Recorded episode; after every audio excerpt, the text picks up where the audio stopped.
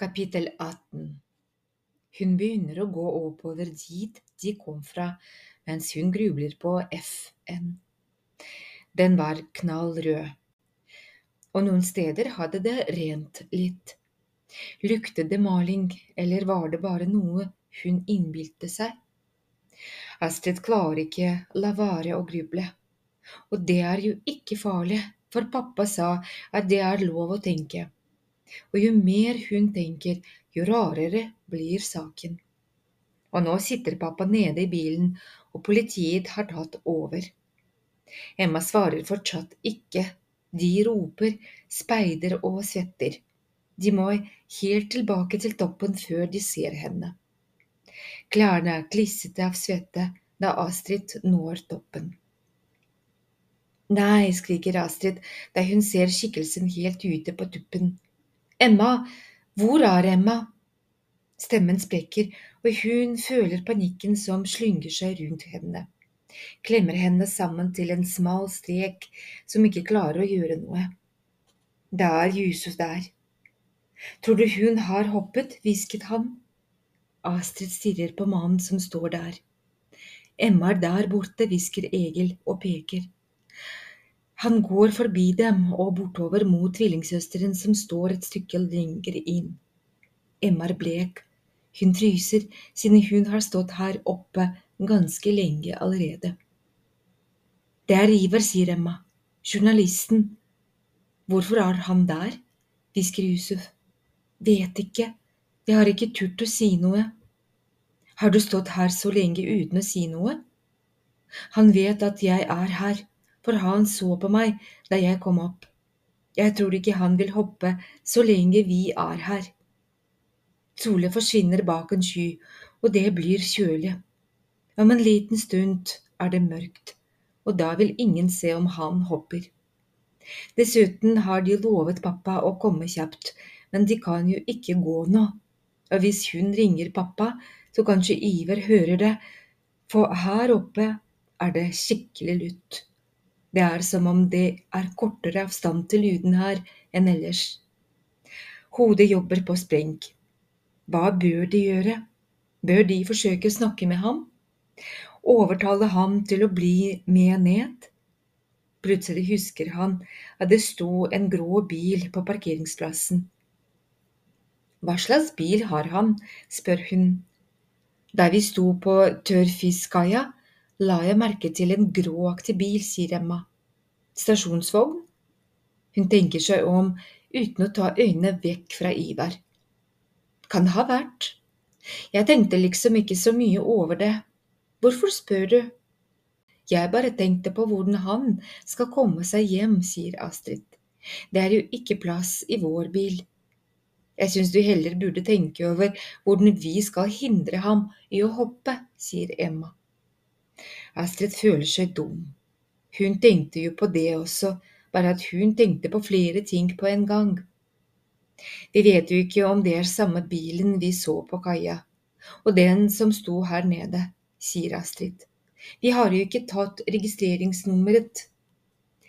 I det samme er det som om hun har sagt noe viktig. Registreringsnummeret. Hvorfor er det viktig?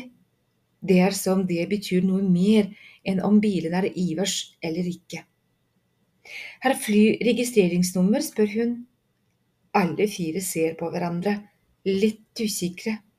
Det var et flightnummer på billetten min, sier Yusuf og trekker opp mobilen der han har billetten.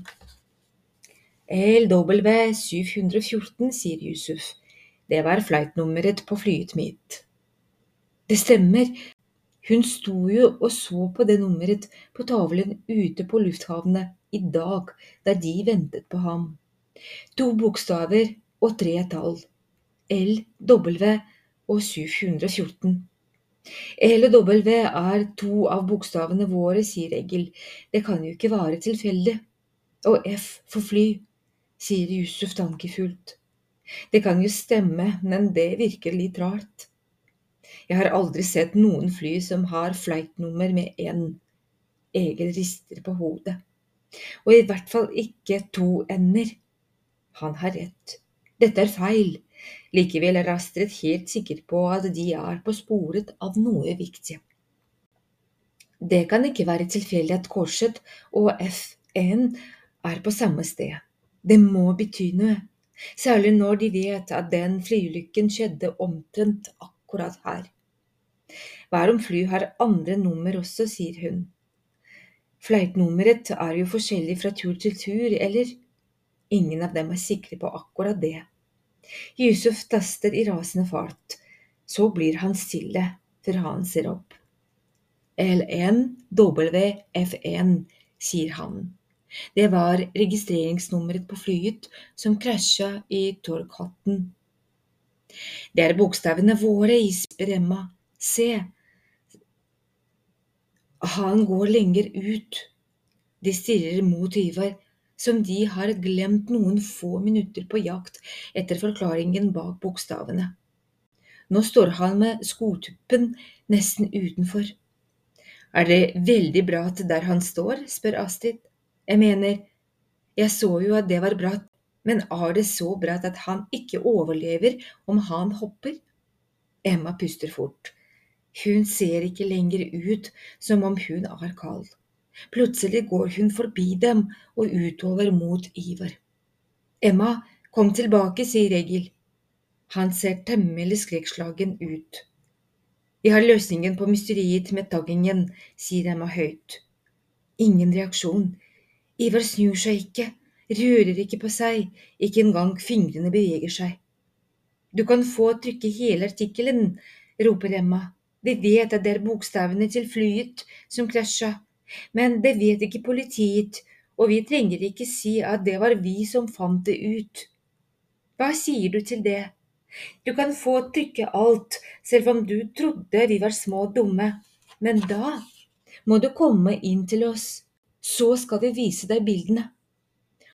Og så er det en F litt lenger nede her, er ikke det tøft? Kom hit, så skal du få se bildene.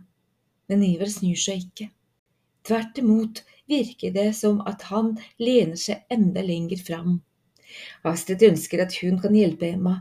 Det må jo være noe de kan si som får ham til å tenke seg om.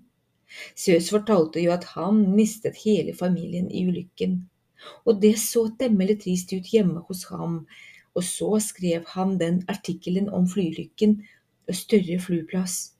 Og det er jo tydelig at han sliter, ellers hadde han ikke stått der nå. Tror du ikke katten din blir veldig lei seg om du ikke kommer hjem og får gitt den mat? sier Astrid høyt. Bevegelsen er ikke stor, men den var der. Da hun nevnte katten hans, rørte han på seg. Nå tør også Astrid å gå nærmere, men ikke helt bort til. De vet jo ingenting om ham, om han vil gripe tak i dem, eller om han vil hoppe dersom de kommer for nær. Har du noen som vil ta vare på katten din? spør Astrid, så rolig hun kan, enda hjertet slår så hardt at hun føler at kroppen er i ferd med å eksplodere. Dere kan få ham, svarer Riber. Hva heter han? Pulver. Pulver? Han var i en leilighet der politiet gjorde et digert narkotikabeslag. Han satt oppå pakkene med heroin, så da ble det til at jeg kalte ham for Pulver. Du reddet ham altså, sier Astrid, da tror jeg han blir veldig trist om du ikke kommer tilbake. Ivar svarer ikke. Hun vet ikke hva mer hun skal si. For hva sier man til noen som ikke vil leve? Hun ser bort på Emma, Emma som syns at livet er vanskelig. Hva tenker hun nå? Da ringer mobilen, hun kruker seg sammen så ikke Ivar skal høre, og løper vekk med mobilen mellom bottene. Pappa er ikke blid, men det går garantert over når hun forteller hvorfor han må ringe til Espen politi en gang til.